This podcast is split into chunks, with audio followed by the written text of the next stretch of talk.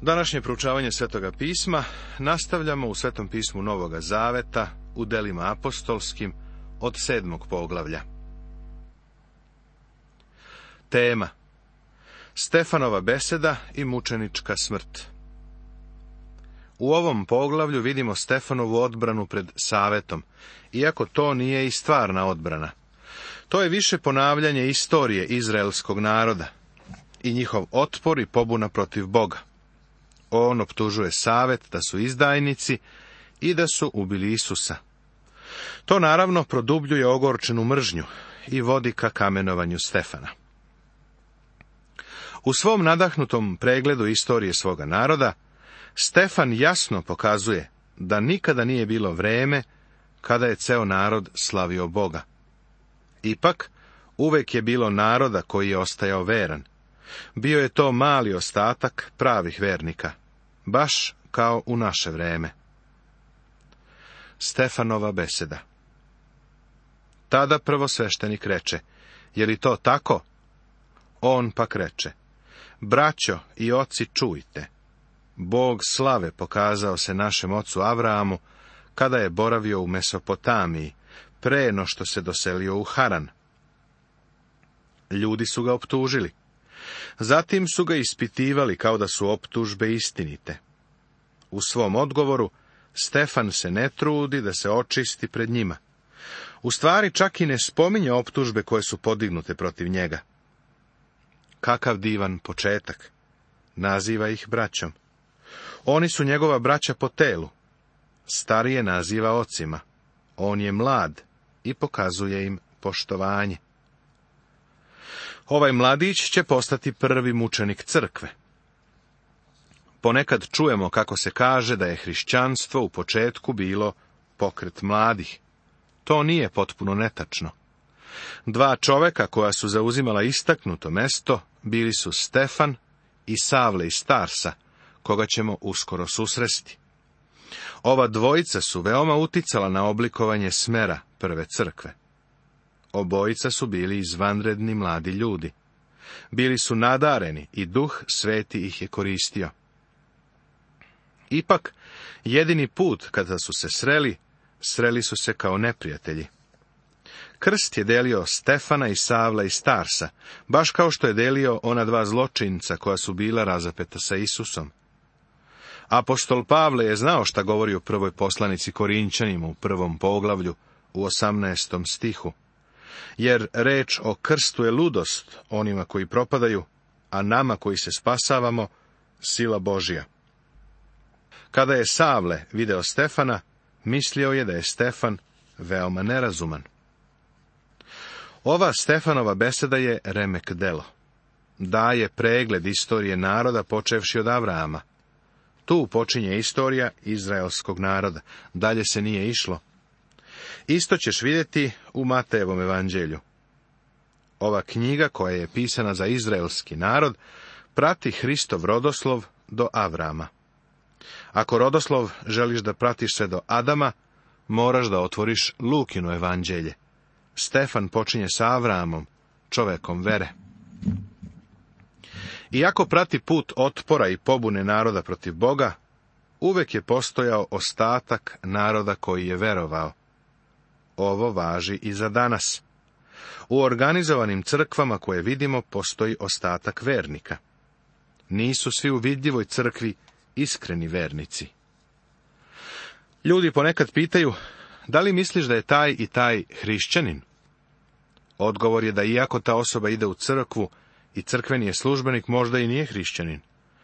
Baš kao što je u izraelskom narodu postojao ostatak koji je verovao tako i u vidljivoj crkvi postoji mali ostatak iskrenih vernika. Avram je bio čovek vere.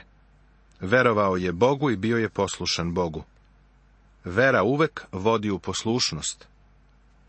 Stefan svoje kazivanje počinje sa Avramom u Mesopotamiji, u dolini Tigrisa i Eufrata. To je bio Avramov rodni kraj. Tu ga je Bog pozvao i reče mu, iziđi iz svoje zemlje i od svoga roda, pa hajde u zemlju koju ću ti pokazati.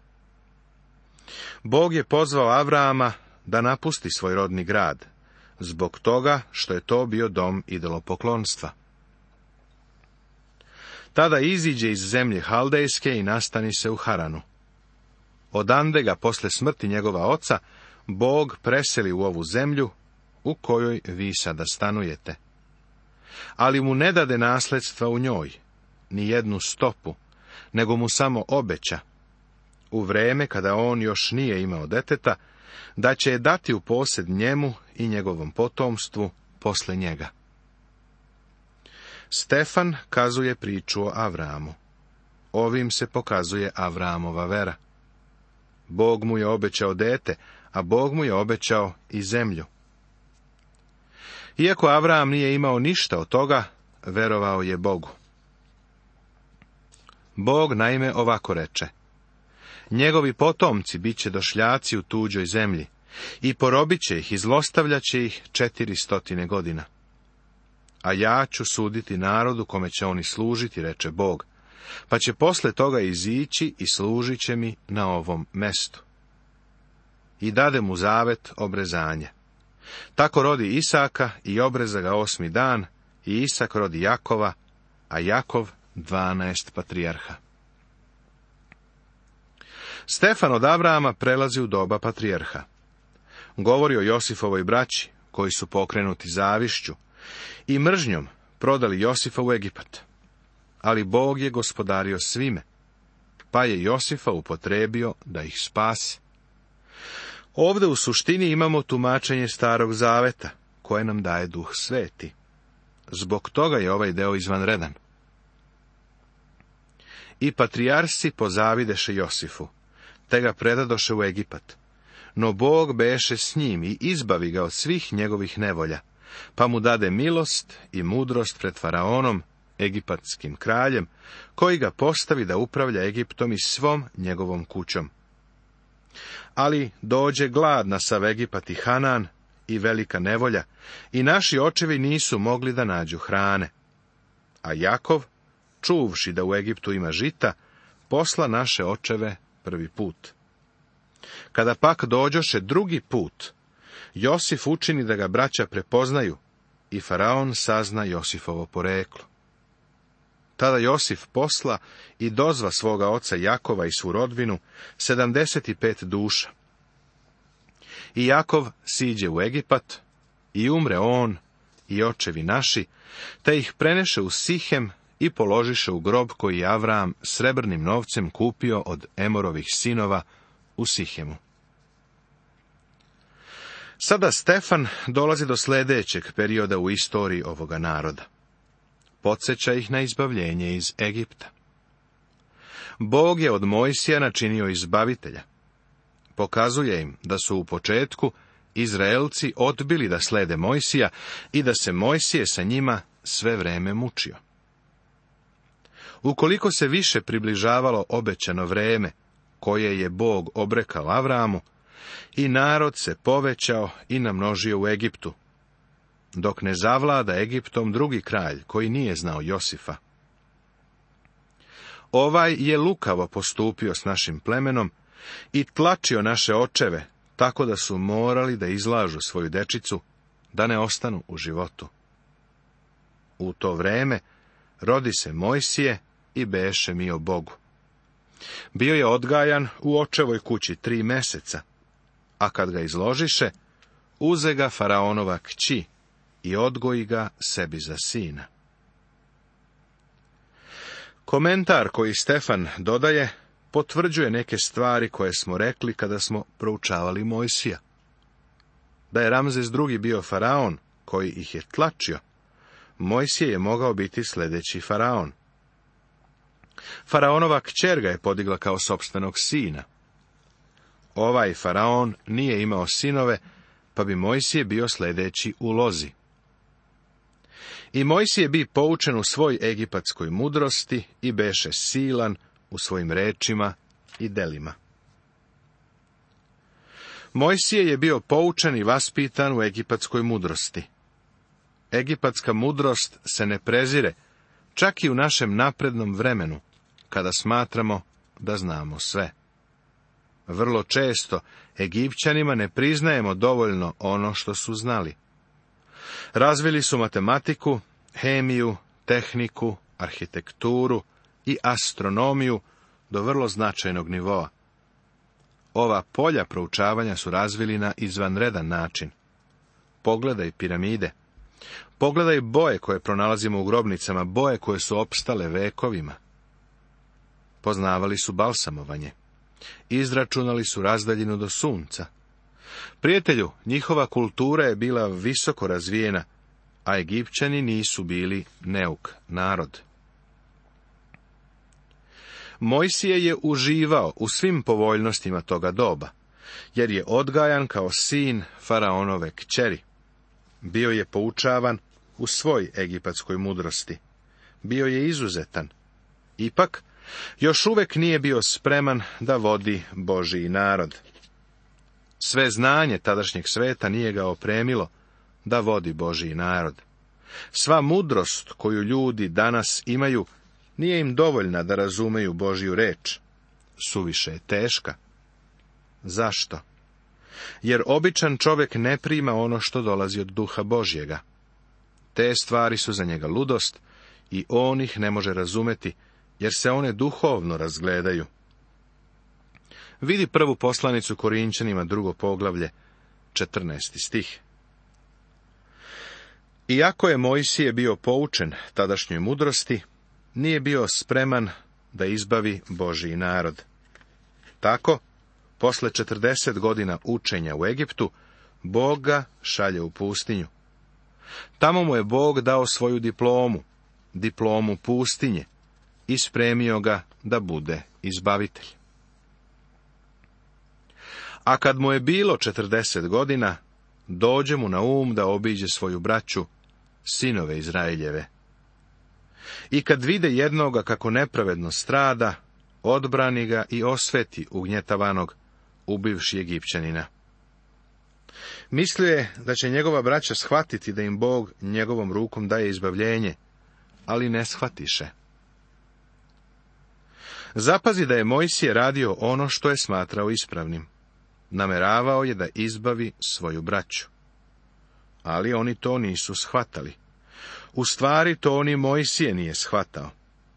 On još uvek nije sasvim spreman, pa Bog mora da ga odvede u pustinju da bi ga obučio.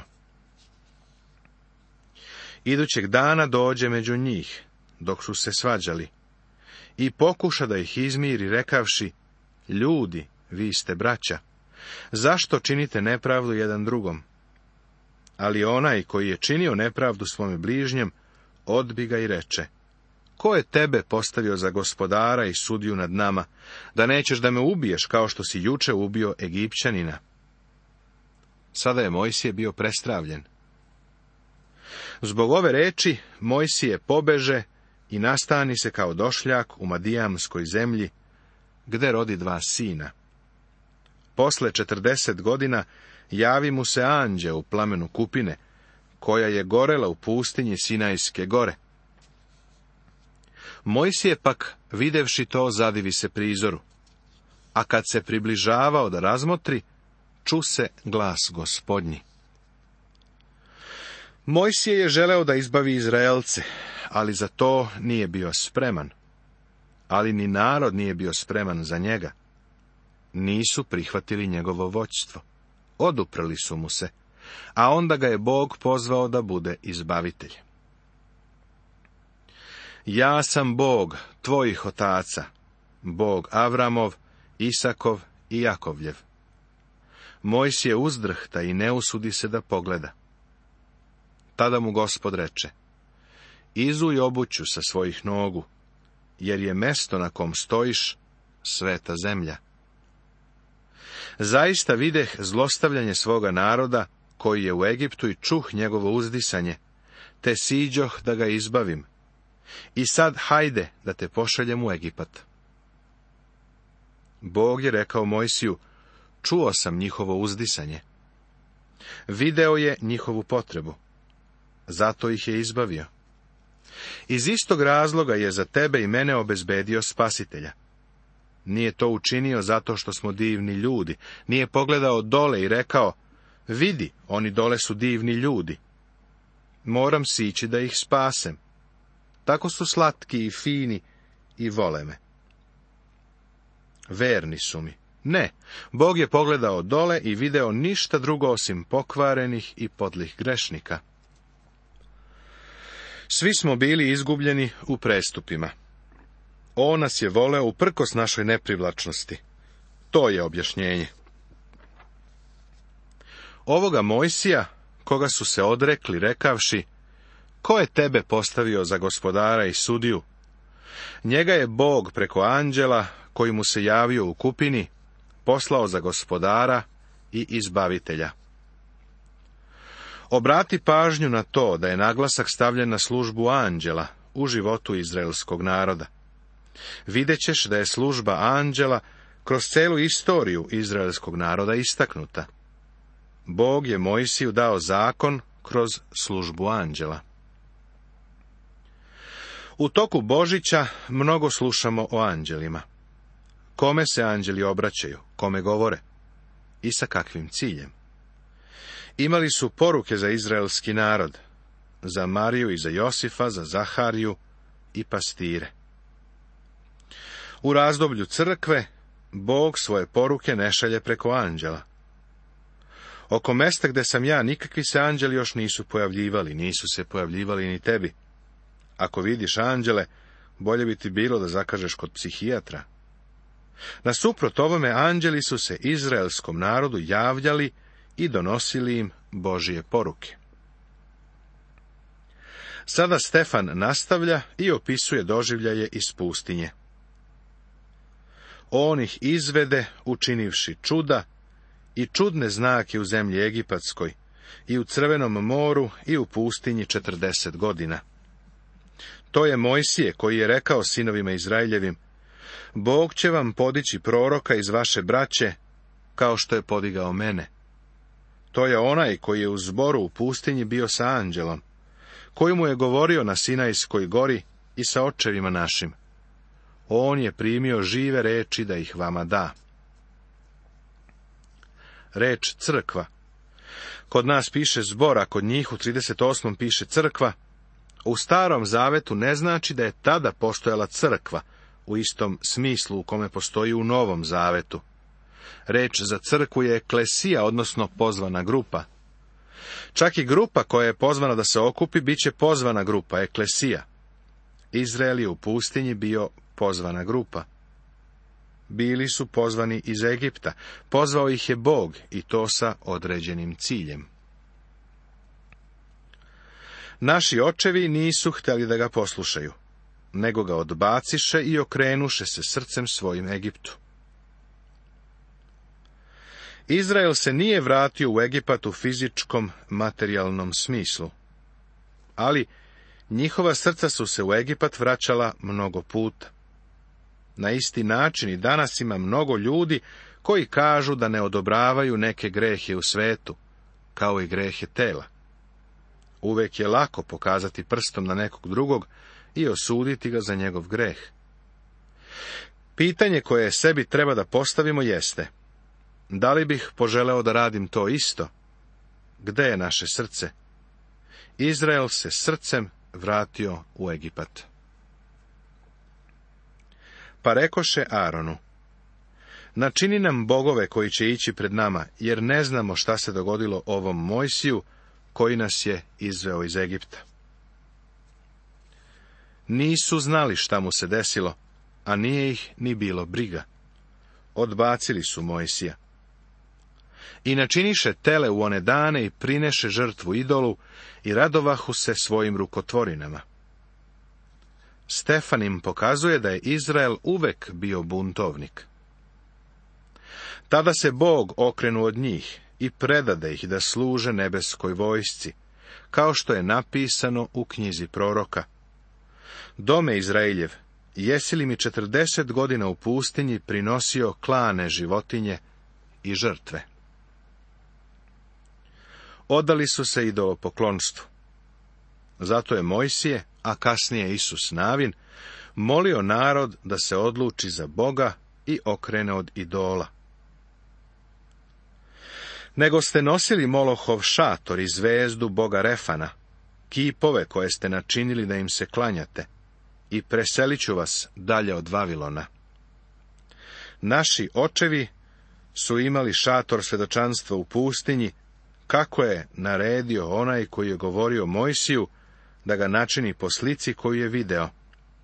Naši očevi ga primiše i uneše sa Isusom kad zauzeše zemlju mnogobožaca, koje je Bog oterao ispred naših otaca. I tako je bilo sve do Davida. On nađe milostu Boga i izmoli da nađe stan Bogu Jakovljevom. Nastavit će se.